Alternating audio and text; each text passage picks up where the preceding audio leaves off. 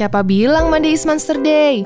Lo bakalan berasa Senin itu santai, cuma di Sersan yang bakal bikin Senin lo terasa santai. Hai Ultima Friend, ketemu sama Sersan lagi bareng sama gue Rachel dan Dan gue Cicil, tentunya ya tadi lu udah sebutin ya, kita di Sersan, Senin Terasa Santai. Nah, kalau minggu lalu kita kedatangan Mr. Lucky yang keren banget nih, punya bisnis sampai nggak tahu deh gue nggak bisa hitung berapa banyak, Banyak bisnisnya ya kan. Hari ini kita kedatangan Mr. Lucky yang gak kalah keren. boleh kali ya Mr. Lucky kita langsung aja kenalin namanya siapa dan sekarang kegiatannya lagi ngapain nih? Halo, nama gue Axel. Hmm.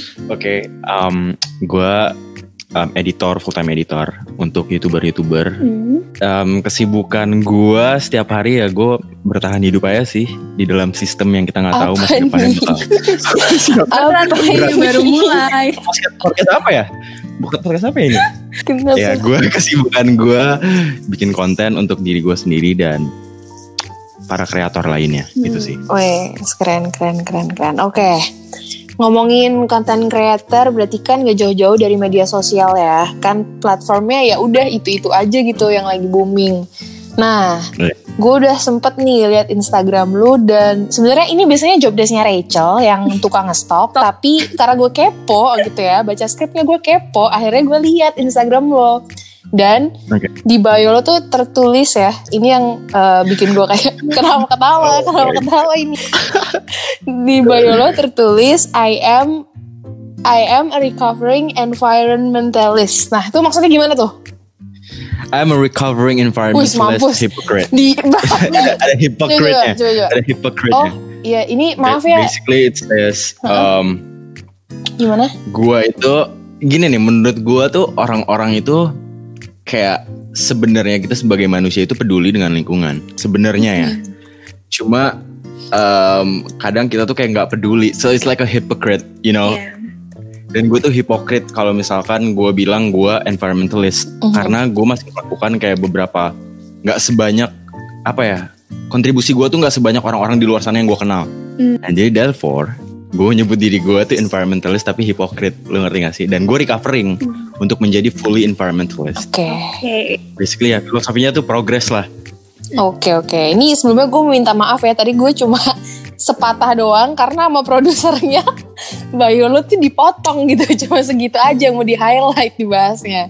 Tapi Waduh. ini pelajaran bagi produser kita tolong bio seseorang jangan dipotong-potong ya artinya beda gitu gue yang kena Yuk, penyiarnya yuk. ya kan udah Inggrisnya dibabat artinya dibabat gitu kan gue yang Yuk, malu women bisa yuk, yuk bisa yuk.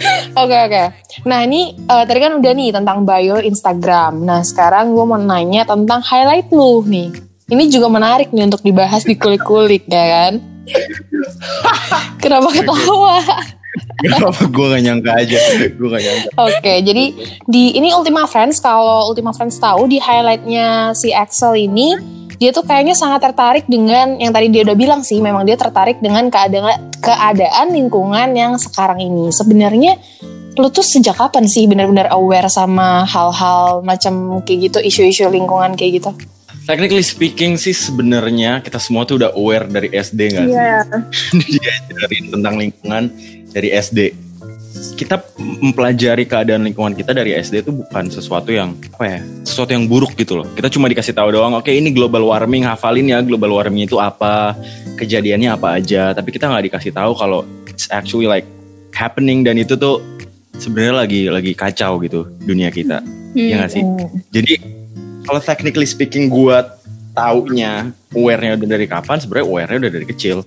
Cuma untuk gua ada intention mau fokus gitu loh yang gua nggak fokus dibanding orang lain cuma ya you know untuk berkontribusi lebih itu tuh baru tahun kemarin. Hmm. Hmm, ya jadi kalau dibilang bentar banget enggak, tapi lama banget juga belum ya. Iya. Tapi kan kalau It's like kayak, ini kayak kalau misalkan lo ngedengar informasi simpang siul kayak oke lo tahu tapi belum masuk ke concern lo itu gitu Hmm. ngerti gak sih? Mm-mm. berarti kalau misalkan dari tahun lalu ini eh, apa hal yang pertama kali memicu lu tuh kayak buat concern, Concern, hal-hal ini gitu. Eh, berarti gue gue mau nanya dulu nih, gue mau nanya dulu. Apa nih? Berarti ini kalian hostnya belum concern dong kalau kalian nanya gitu. Belum apa? belum concern. Hmm. Waduh, tuh kan ini si Grace nih. Karena kita semua aduh. guys, kita semua seumuran nih. Kita Iya, kita nih. seumuran, oke? Dan pelajaran lingkungan itu selalu ada di Iya. sekolah. Bahkan untuk di sekolah aja jangan buang sampah sembarangan itu selalu ada pasti di mading, di poster di mana-mana. Kita selalu dididik untuk Hmm, menjaga hmm. lingkungan. Oke. Jadi kalau kalian bertanya seperti itu, apakah kalian belum concern juga atau kalian emang nggak concern? Concernnya tuh dalam bentuk apa dulu nih? Kenapa jadi gue yang nanya ya? Kita di Concernnya- narsumnya nih hari ini. Iya. Kon- ini jadi soda, bukan jadi seresan gitu. Ini Ayo. concernnya gimana dulu nih yang lo maksud?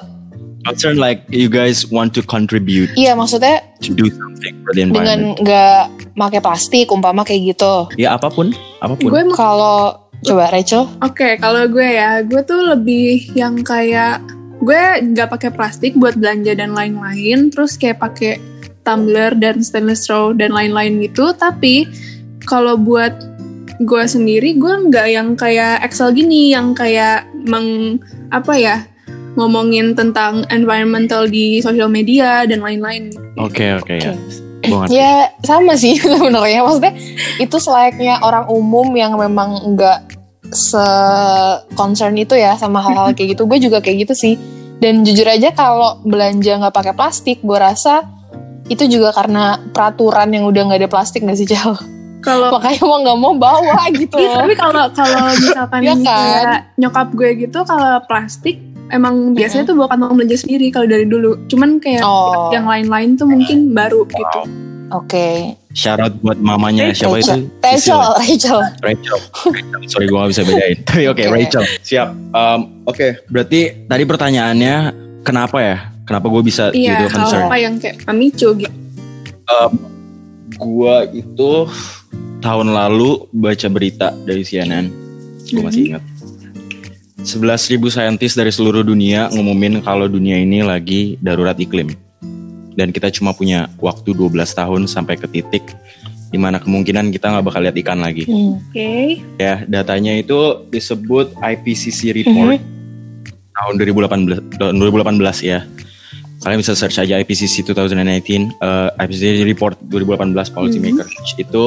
Jadi sebelumnya itu kita tuh standarnya Mhm. Ini gini deh, um, bumi kita tuh udah naik suhunya, temperatur globalnya itu 1,1 derajat. Oke. Dan sebelumnya itu kita punya standar kita harus tetap di bawah 2 derajat Celcius.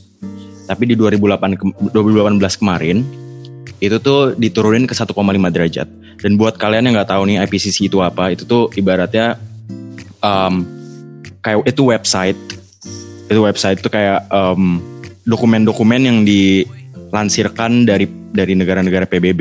Jadi apa pun informasi yang ada di IPCC report itu tuh udah melalui persetujuan PBB, Persatuan Bangsa-Bangsa, negara-negara dan Hmm. pemerintahnya. Mhm.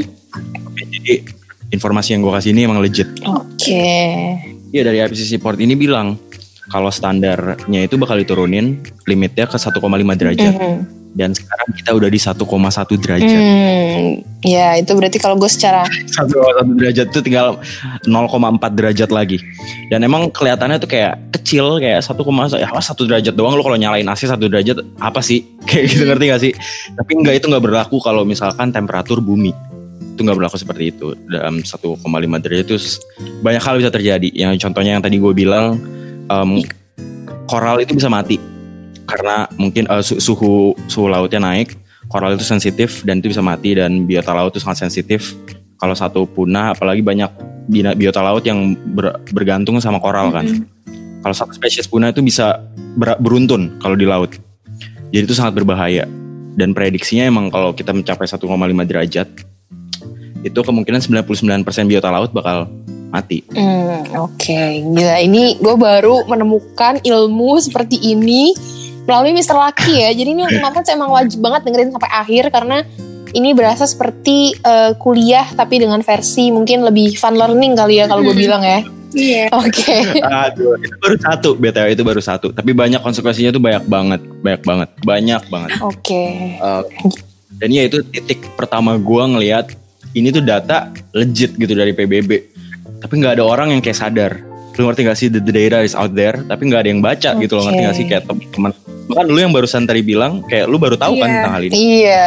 Oke, ini Lanjut. pertanyaannya mungkin udah mulai memanas ya karena ini sudah mulai menyinggung dengan perubahan iklim. Tadi kan lu sebut ada global warming, terus juga ntar kalau kita begini begitu bakal punah binatang-binatang, biota-biota laut ya kan. Nah kalau menurut lo sendiri sebenarnya tuh perubahan iklim tuh yang seperti apa sih yang lo maksud perubahan iklim tuh? Pertanyaannya, waduh. Sangat teoritis ya. Perubahan iklim. Sebenarnya di Google udah ada, cuma Eh, versi lo ya, gua- versi lo maksud gua kan lo pecinta alam banget nih. Kalau versi Google tuh kan mungkin secara general ya kan. menurut gua perubahan iklim itu sesimpel evolusi dari global warming. Hmm. Oke. Iya. Udah. Itu adalah dampak long termnya global warming, which is perubahan iklim. Kan main concern gue kalau tadi lu bilang gue pecinta alam sebenarnya salah. Kalau gue, gue peduli tentang alam. Hmm. Yang gue pedulin adalah tentang kehidupan umat manusia, yang di mana dengan perubahan iklim ini, dengan rate yang sekarang kita menuju ke perubahan iklim yang makin parah, itu kita sebenarnya sedang menuju ke kepunahan. Hmm. Itu yang sebenarnya ingin disampaikan oleh 11.000 saintis tahun kemarin tentang perubahan iklim.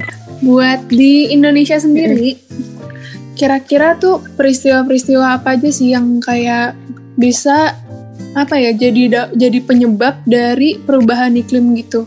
Di Indonesia penyebab perubahan iklim di Indonesia. Yang jelas deforestasi, Em, apa ya hutan, penebangan hutan untuk uh, cattle farm, ya kan untuk untuk uh, peternakan-peternakan, lahan makanan em, Iya. habis itu uh, perusahaan kelapa sawit yang kemarin bikin kebakaran di Riau ya. Iya kayaknya. Iya, Riau kan. di Riau, betul. Um, Habis itu transportasinya yang super padat. Oke, gue pikir kalian semua juga ngerasain kalau itu. Banyak sih ya pabrik-pabriknya banyak, pembuangan limbah ke laut, sampah yang masih berserakan, ya kan?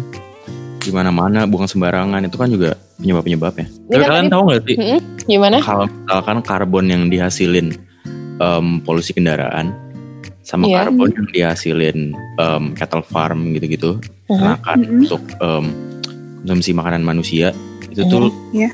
kalau semuanya digabungin di seluruh dunia Mhm. polusi dari kendaraan itu karbonnya nggak lebih besar dari cattle farm jadi sebenarnya nomor satu penyumbang karbon tuh bukan transportasi Oh. Tapi tapi peternakan yang selama ini yang gue tahu sebelum gue baca-baca ya polusi kendaraan kan iya gue pikir Karena tuh lebih yang terlihat. kayak- Heeh, karena itu lebih kelihatan dan lebih sering diomongin gitu nggak sih Iya, sama orang-orang kita tinggal di kota. Iya dan lebih berhubungan sih Cel. Heeh. Soalnya Tapi se sering crazy. Sekampung-kampungnya gue walaupun di Semarang juga kagak ini kagak peternakan juga liatnya jadi tetap Iya, polusi. iya polusi udara Yang peternakan kalau ada juga lu nggak lihat nggak lihat secara langsung gitu loh karbonnya kayak kelihatan enggak. iya Iya. Cuma iya iya benar benar benar Kalau- aja. Ini ini ini gue jadi pertanyaan autodidak nih ya kalau peternakan itu maksudnya gas-gas gitu gak sih yang dimaksud ya yang kan bikin ngeluarin metan gitu lah. dari kotoran sapi Iya. umpama ya kan Benar. Dan sekarang kan populasi sapi tuh udah banyaknya banyak kayak oh, buju bule gitu kayak banyaknya tuh karena mereka kan sekarang berkembang biaknya udah nggak udah nggak normal dengan natural. Jadi Hmm. tuh sekarang tuh mereka kayak dipaksa kayak disuntik sperma gitulah kayak yang betinanya. Oh. Banyak waduh disuntik Iya benar sperma kayak- Karena mereka harus mempercepat produksi. Oke Biar bisa menuhin buat kebutuhan Iya, kebutuhan kita. Nah, ini nyambung. Terima kasih Axel. Nanti akan ada pertanyaan yang nyambung dengan persapian ini ya kan. Tapi sebelumnya setelah lo ditanyain esai sama produser gue nih ya. Ini Iya. mau yang lebih mungkin tentang sharing-sharing aja kali ya, lebih ringan pertanyaannya. Tadi kan gue udah bilang, gue liat Instagram lo, gue liat bio lo, gue liat highlight lo, gak afdol kalau gue like gak? Lo like gak? Lo ke Instagram gue lo like foto gue gak? belum. Kan gue udah Ah, follow, yang penting gue udah follow Makasih ya dulu. supportnya. Ya, Abis ini kita bakal like semuanya ya. Iya, fotonya. ntar bagus. abis selesai ini gue jadi jasa like ya kan. Oke. Nggak, Nih. nggak. Ini gue mau nanya nih di Instagram lo, lo tuh pernah jadi seorang relawan di pandulaut.id. Siap, pernah. Benar. Nah, itu kan untuk bantu bersihin sampah kayak di pantai gitu kan. Itu sebenarnya banyak sih ya. Maksudnya gerakan-gerakan bersihin pantai itu emang banyak banget dan lo ternyata salah satunya nih. Iya. Nah, lo boleh kali ceritain pengalaman lo ketika lo join jadi relawan kayak gitu tuh? Ah, iya, itu tuh zaman gua lagi um, eco anxiety banget ah, tentang apa sih lingkungan di perairan, perairan, kayak di laut. Iya. Waktu itu kan banyak berita, sampai sekarang bahkan em, ada berita, lu tau gak sih em, Kemenko Maritim tuh pernah ngomong 80% ikan di laut Indonesia itu tuh makan plastik. Iya. mm. Jadi ya teknik 80% makanan ya kalau lu makan ikan ya most likely lu bakal makan plastik Makan juga plastik. sebenarnya. Mm-mm. Um, dan di mana gue tahu ya kalian juga pasti tahu pantai di Indonesia banyak yang kotor di Bali udah Mhm. mulai kotor sekarang Iya. di um, Ancol di mana iya, tuh yang iya, satu benar-benar. lagi di pantai apa ya namanya A juga Apa nih? Pantai Yang apa nih? gue lupa satu lagi yang biasa nih Anyar. kalau anak kota ya Anyar bener ya Anyar ya Heeh. Gue mau nyebut Anyar cuma takut salah ya gitulah itu kan juga mulai kotor kan sekarang Jujur Iya. gue belum pernah ke sana, cuman iya kayaknya pasti Tapi- kotor. Oh tapi lebih Kan? kotor ancol ini, sih. ini menarik nih tadi tadi Rachel apa Sisil yang ngomong kayak pasti kotor Gue gue. gue, eh gue sama Rachel dua-duanya. Iya. dua-duanya Mm-mm. itu mindset yang kalian miliki itu menarik di mana kalian nggak heran kalau misalkan pantai kita itu udah pasti kotor Iya. kalian sadar gak sebenarnya itu tuh sangat-sangat buruk itu tuh mindset yang gila sebenarnya kayak kalau misalkan pantai kotor nih Mm. em, itu tuh kayak ya gue nggak heran. Berarti Enggak, itu udah gue- it shows dunia apa yang sedang kita yang kita berada di dunia seperti apa gitu di, di negara seperti apa.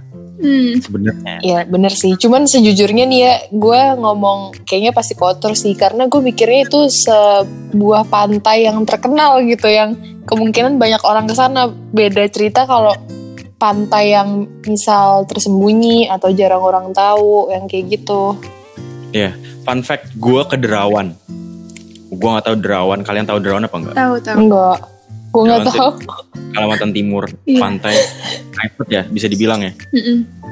itu tuh masih ada sampah plastik ya kayak gumpulan Oh, uh, iya. sampah plastik kayak di pulau-pulau kecil ya gitu fakta menarik gue ke sana dan gue kaget karena waktu itu gue bener-bener cuma ada sendiri bahkan kayak satu sama teman-teman gue nggak ada orang lain. Tapi bahkan di itu gitu aja masih ada masih banyak sampah-sampah juga.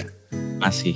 Soalnya ya Berarti- di terawannya mungkin nggak ada orang tapi kan sampah di laut itu terbawa ya. Iya terbawa. Sampah bawaan kebanyakan justru Atau bisa juga di mana ada manusia di situ pasti ada sampah ya Kalau kata gue ya iya Biasanya kan orang-orang suka kayak sembarangan sampah ya berarti dianya yang sampah waduh waduh waduh Waduh, berat. Nih? jangan Waduh. jangan jangan marah, jangan marah. Udah kita lanjut Iya, aja, lanjut aja. canda gue Oke, gue mau nanya nih selanjutnya. Kalau buat dari lo sendiri, dari lo pribadi, apa manfaat yang lo dapet dari nyo- ngeluangin waktu lo buat jadi relawan kayak gitu? ah manfaat yang gue dapet manfaat yang gue dapet yang pertama bukan hanya gue membantu em, orang-orang yang mulungin sampah waktu itu em, eventnya gue juga em, membantu itu kan juga suatu apa ya aksi yang membantu negara juga kan Iya. membantu manusia bahkan karena concern itu kan sampah yang ada di Ancol bukan berarti bakal stuck di Ancol doang. Mm-mm. ngerti gak sih? Itu Iya. aja ke laut bagian mana nggak tahu. Mm-mm. it's an act um, untuk dunia ini sebenarnya. Dan manfaat lainnya adalah untuk mengedukasi diri gua untuk merasa empati untuk terjun langsung ke lapangan. Apa sih sebenarnya yang terjadi? Seperti apa keadaannya? Dan ya bertemu teman-teman yang satu visi dan misi akan hal-hal lingkungan ini. Itu ya manfaatnya banyak sih kalau Tapi berarti manfaatnya tuh lebih buat lingkungan kita ya, apa yang kita kasih ke lingkungan kita daripada buat lo sendiri gitu. um, um, gue kalau kayak gini subjektif banget kan.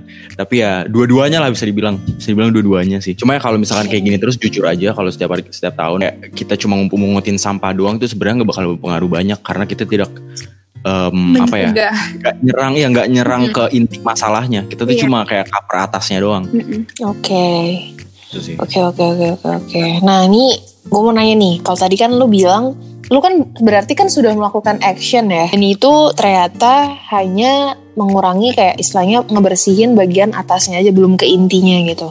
Iya. Nah kalau yang gue lihat nih banyak banget sekarang organisasi-organisasi yang buka semacam kayak galang dana buat memperbaiki lingkungan.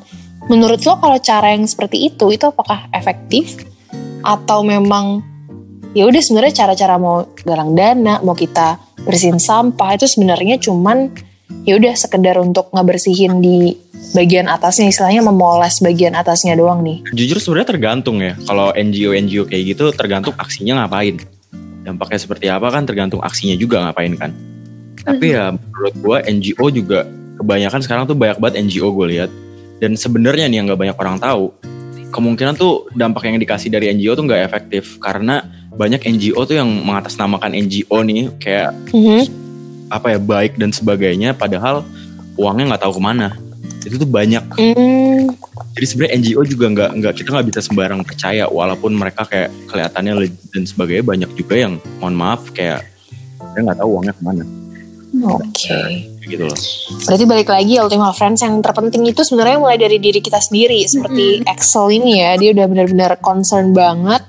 Mau ngebersihin pun ya intinya tuh cuman memoles uh, bagian atasnya. Percuma misal 100 orang ngebersihin tapi 1000 orang masih Buang melakukan sampah sembarangan.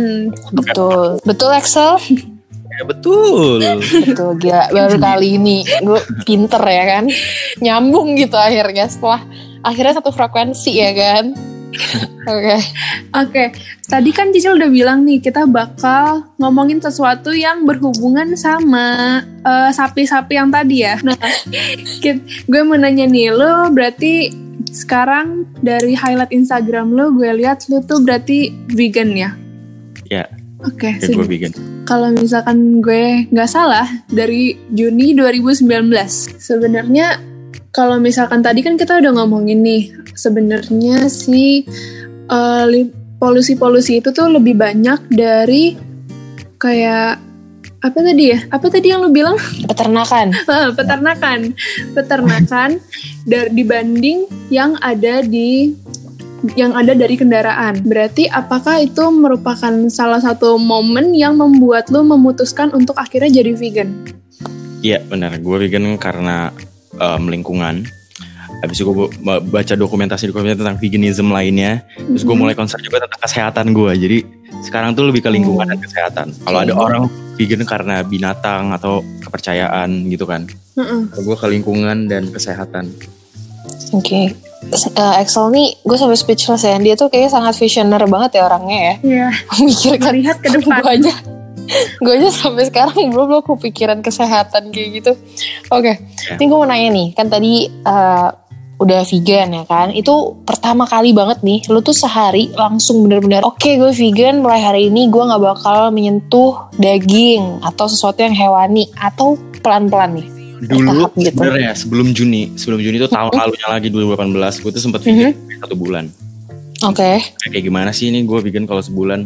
Ya kan abis itu kayak penelusuran gue belum setinggi tahun kemarin Juni tahun kemarin. Mhm, akhirnya di titik yang tadi yang gue bilang ada reportnya keluar 2018 mhm, gue mulai mulai concern mulai mulai apa mhm. anxious dengan masa depan gue karena kan sebenarnya kenapa gue peduli yang tadi gue bilang tentang em, umat manusia itu umat manusia generasi yang baru sebenarnya. Jujur Hmm, kalau lu perhatiin nih dari seluruh dunia orang-orang yang concern tentang lingkungan kebanyakan tuh anak muda. Iya. umuran kita atau Greta Thunberg umur berapa sih? 16 tahun 12 tahun gue lupa.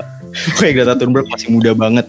Kenapa? Uh-uh. karena resikonya itu masa depan kita sebenarnya Iya, Iya, karena kita sih. yang bakal ngadepin kita tuh, intinya. kita tuh berada kita tuh berada di sistem gue mau ngomong belak belakan kita tuh sebenarnya sedang berada di sistem buatan generasi yang lama yang sebenarnya cukup gagal Oke. hasil Iya sih benar-benar. em, nyawa umat manusia nih em, terancam dan itu waktunya nggak nggak banyak gitu loh waktunya bahkan yang tadi gue bilang yang 12 tahun mencapai titik 1,5 derajat tuh itu kita tuh kayak em, apa ya dinya tuh anak-anak muda tuh yang ngurusin kesalahan generasi yang lama kasarnya seperti itu Hmm. Hmm.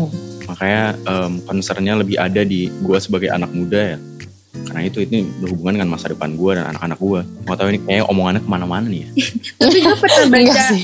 gue pernah baca tuh tentang yang itu yang kita sekarang ini tuh Ya. bakal ngejalan, bukan ngejalanin kita bakal apa ya? Menghadapi. Mm-mm, menghadapi permasalahan-permasalahan yang dibikin sama generasi selanjutnya. Gitu gue pernah baca. sebelumnya Ah, ya, ba- ba- sebelumnya maksudnya. Iya.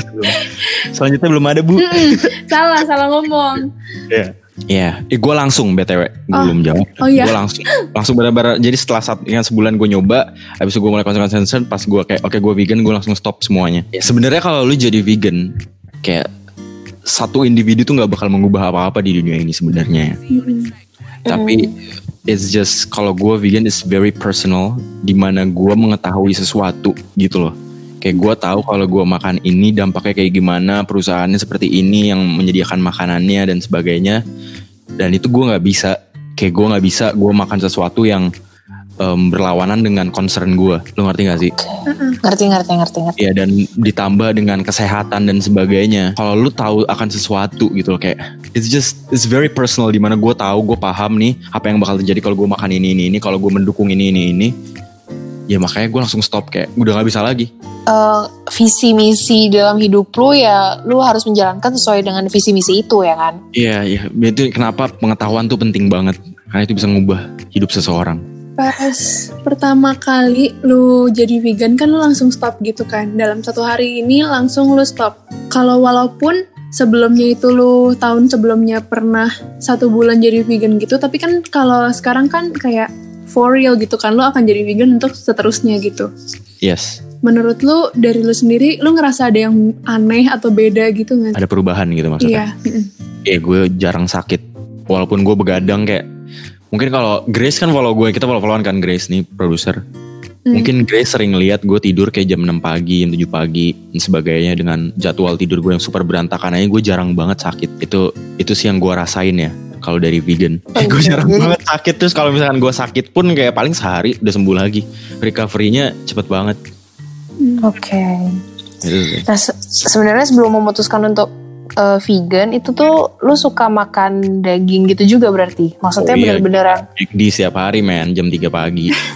Oh, oh iya, iya, iya. Oh iya, kalau vegan tuh ikan termasuk gak sih? Enggak, ikan enggak. Itu Kalau misalkan lu masih makan ikan itu pescetarian sebutannya. Mm-mm. Oke, berarti ini bener-bener cuman sayur-sayuran. Ya plant based. Tapi ya Oke. kalau misalkan orang-orang mikir orang kalau vegan makannya paling capcay kangkung setiap hari atau sayur-sayuran raw gitu enggak sebenarnya enggak banyak kok pilihan. Di Jakarta udah lumayan banyak kayak bakso-bakso tapi yang dari serat jamur atau serat kelapa yang dibikin teksturnya seperti daging terus rasanya juga. Jadi gue sebenarnya gue tuh kayak masih makan sehari-hari waktu non vegan juga masih makanan-makanan itu kayak seolah-olah daging karena teksturnya sama dan sebagainya rasanya juga. Hmm. jadi sebenarnya udah ada bedanya. Dan gue yakin di masa depan akan semakin banyak lagi opsinya. Gue dulu pernah juga sih makan makanan yang kayak gitu. Maksudnya Iya. yang kayak gue dulu pernah cobain rendang tapi vegan gitu. oh ya rendang vegan. Iya, tapi itu tuh rasanya emang beneran mirip, mirip banget. Gue nggak tahu Mirip dia bikinnya pakai apa. Cuman itu emang mirip banget. benar benar benar rendang vegan enak kok Mm-mm. Tapi dulu di kantin SMA gua ini sih emang ada di sekolah gua lebih tepatnya setiap hari Senin itu ada yang namanya Meat Free Monday. Uh Jadi emang setiap hari Senin di sekolah gua itu itu dari gue SD karena gua kan nggak pindah-pindah kan. Jadi SD SD, lu di mana? TK, SD lu di mana? TK, SD sampai SMA gue di sekolah eh, sekolah nasional Karangturi Semarang. Gila Karanturis Semarang nih shout out. Karanturis Semarang. Meatless Monday. Wow. Meat Free Monday. Meat free, free Monday ya meatless. Bener-bener free, bukan les lagi nih, free. Oke oke. Jadi Oh, iya benar. setiap hari setiap hari Senin itu uh, semua uh, semua kantin terus kalau bawa bekal semuanya itu nggak boleh ada yang mengandung daging bahkan dulu waktu gue SD pertama kali itu kalau gue nggak salah sekitar gue kelas 4 atau kelas 5 gue kan jadi dokter kecil kan tugas gue itu adalah kayak satpol pp jadi keliling kelas ngeliatin daging. iya kalau daging suruh lapor Gila. guru kayak gitu sampai segitunya Gila. Terus lu gak disukain orang-orang tuh lu gak disukain nih, kan? lain. enggak yang suka enggak weh Penjilat guru nih penjilat guru. Enggak weh. Terus nih gue lanjut nih ya. Nah terus eh, ada satu penjual di kantin gue tuh yang emang makanannya bahkan dia tiap hari ada yang yang kayak tadi kalau Rachel misal rendang tapi sebenarnya dia bukan daging. Nah si penjual ini tuh ada gitu loh makanannya tapi emang nggak kayak sayur padahal tuh dari jamur segala macam rasanya tetap Iya, enak banget. iya. Jadi Iya. mungkin kalau vegan zaman sekarang tuh dipermudah kali ya maksudnya Ya, nggak menyiksa gitu opsinya. loh. Ya Iya makin kan? banyak lagi opsinya. Ya gue gue salut sih sama pedagang kantin lo itu gila juga itu waktu SD kan. Iya. Berarti berapa Eh, tahun yang lalu Itu opsinya maksudnya sedikit banget. enggak itu gue SMP. Ya ya deket Oh, SMP SMP. SMA, SMP SMA. Itu, Oh, Ya deket-deket lah sama SD, tetap iya, aja. still. salut salut gue salut banget. Keren sih itu. Awalnya jujur aja nih, awalnya dia bikin tuh agak fail gitu, rasanya agak ya, terasa kalau aneh gitu lah ya. Cuman Iya. semakin lama dia improve, improve, improve terus kayak wow enak sih. Bahkan sampai gue terakhir SMA tuh sering banget makan di tempat dia. Karena emang enak tapi lebih sehat gitu. Ya emang itu juga em, veganism juga sebenarnya nggak gitu-gitu doang, emang sedang proses juga. Sekarang eh, sekarang ada yang namanya impossible meat yang udah kayak burger patty beneran ya kan. Mm-mm. Sebenarnya tuh kalau gua boleh bilang ini bold opinion, sebenarnya veganism menurut gue itu the future of diet. Hmm. Itu tuh makanan masa depan manusia. Di mana mungkin di masa depan nanti kita bakal makan makanan seenak-enakan kita kayak awe dan sebagainya, tapi sebenarnya sayur-sayuran isinya dengan Oke. tekstur rasa yang sama. Cuma nggak tahu berapa puluh atau ratus tahun lagi. Berarti kalau misalkan kan lu sebelum dari 2018 ini lu tetap kan kayak yang tadi lo bilang lu makan McD gitu-gitu. Iya. Mhm. Pernah nggak selama lu jadi vegan kurang lebih satu tahunan ini ya, lu tuh ada kayak keinginan buat makan yang non vegan gitu, walaupun ya emang makanan-makanan vegan ini kan emang tadi lu udah bilang rasanya udah Ya. menyerupai kan, cuman ada nggak kayak ada ada rasa kangen pertama. Ya rasa kangen ya karena opsinya yang limited. Gue rasa, wah, gue tuh paling kangen sama sate kambing. Waduh. karena mungkin itu Lagi susah ya Gua- buat ditiru. susah ya. Iya bener, belum ada, gue belum dapet sih, nggak tahu ada apa enggak. Kalau ada ya boleh kontak gue, uh, Instagram @acejo boleh langsung dikirimin aja, oke? Em, jadi gue uh, kangen, sempet kangen kayak sate kambing, cuma balik lagi ke idealisme gue dan ya balik lagi ke pengetahuan yang gue tahu. Jadi gue kayak no I can't, kayak gue bilang ke diri gue kayak nggak bisa, lu gila, ini tuh bakal kayak gini gini gini gini, you know? Hmm. Konsisten ya. Ini patut dicontoh Iya. ke konsistennya kekonsistenannya Ultima Friends. Dan Siap. eh, lu kan konsisten ya, cuman kadang sepertinya tuh setan tuh suka lewat ya kadang ya, suka eh, menghampiri gitu.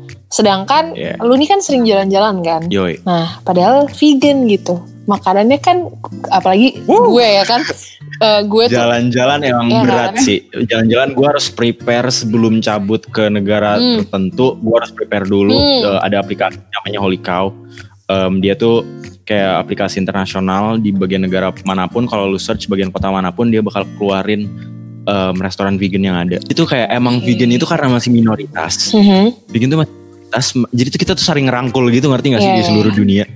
Jadinya tuh kayak em, ada restoran baru, pasti restorannya tuh si vegan ini udah nyadar kalau tentang tentang Holy Cow ini, jadi bakal dimasukin. Oh, You know, komunitas itu saling saling saling ini, saling, solid ya. saling support. ya solid, solid lah. Asli, keren keren keren. Padahal nih ya, kalau gue gue sendiri nih kan gue suka banget kuliner gitu ya. Kayaknya kalau gue jadi lu gue nggak bisa deh. Kayak pasti pingin icip gitu. Tapi lu bisa Iya. menahan ya semua itu ya. Keren, keren, keren.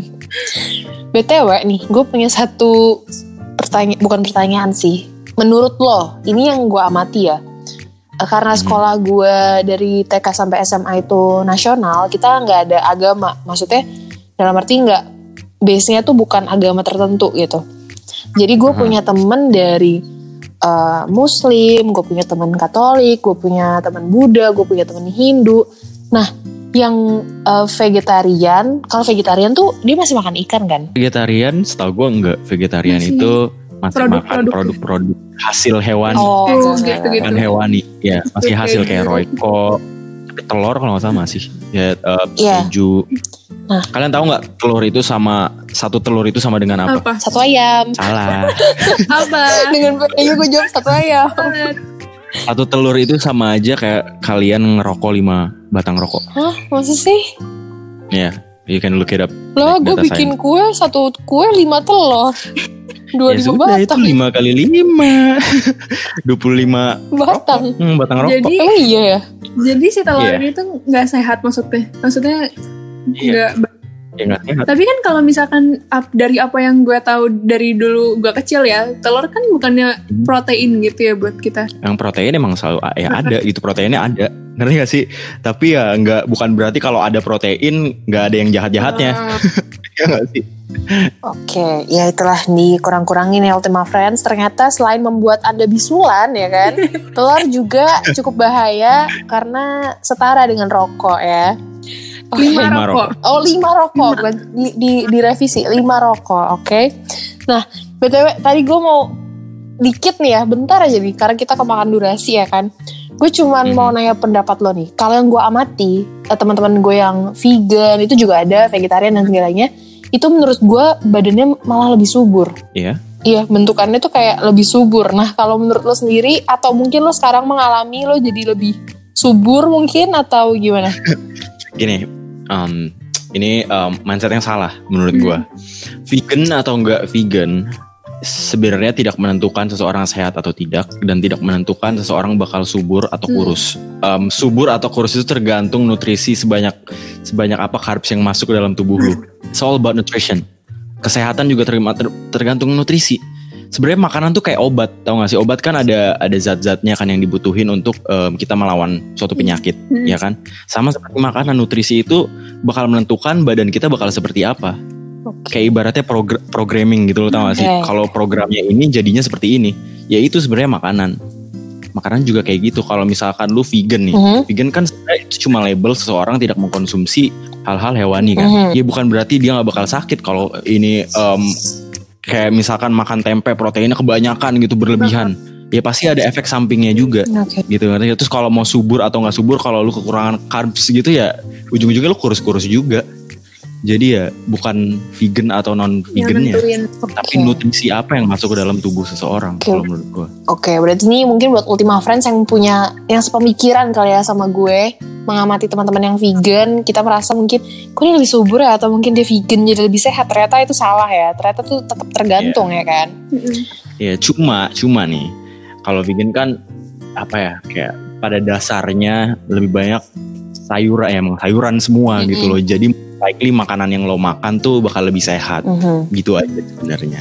Oke, gila ini banyak banget sih ilmu yang gue dan juga Rachel dapat. Pastinya Ultima Friends juga ya, Cel ya. Iya. Dan gak terasa banget nih, tadi gue su- sudah menyebut-nyebut durasi juga. Ini produser juga udah mulai bawel ya masalah durasi ya kan. Gak kerasa Iya. banget, udah banyak banget ngobrol Oh sama iya lagi. Axel. Maaf guys ya produsernya. Gak apa-apa, Produser mulai bawel. Maaf. gak apa-apa, gak apa-apa. Nah tapi eh, nggak afdol kalau kita nggak meminta tips ya dari Mm-mm. Axel kan sepertinya ilmunya sangat banyak nih dan pasti sangat berguna juga buat Ultima Friends. Mungkin hal-hal kecil yang bisa kita mulai lakukan untuk membantu menjaga lingkungan ini mungkin ada tips dari Axel buat Ultima Friends. Hmm, pertama yang jelas satu itu tuh mengedukasi diri kalian. Iya. Karena gue yakin kalian semua pasti tahu lah tentang uh, keadaan lingkungan dan sebagainya. Tapi tahu aja tuh nggak cukup sebenarnya. Kita harus Tahu aja itu nggak cukup guys. kalian tuh bener, you have to pay attention, uh, attention on the details. Kayak kalian tuh kalau tahu surface-nya doang nggak bakal concern kayak paling lalu lalang aja. Dan yang sebenarnya yang sedang terjadi itu masa depan kalian tuh lagi terancam. Jadi menurut gua tahap pertama itu untuk mengedukasi diri kalian sendiri. Dan tahap kedua kalian bisa lakuin em, act-act yang yang tadi yang mengurangi plastik, ya kan atau, atau kalian bisa mengurangi makan makanan makanan daging karena kan veganism juga berpengaruh untuk lingkungan ya kan Terus jangan buang sampah sembarangan ya hal seperti itulah yang kalian bisa temuin di Google tapi yang paling penting ya untuk mengedukasi diri kalian sendiri kalau gue kita jadi harus aware dulu ya sama masalah-masalah yang ada di sekitar Yes, kita. iya. Oke. tuh Thank you banget ya Axel hari ini udah nyempetin waktunya buat sharing-sharing sama kita hari ini. sama-sama terima kasih juga udah diundang Mm-mm. Oke Iya. kak produser yang tadi bawel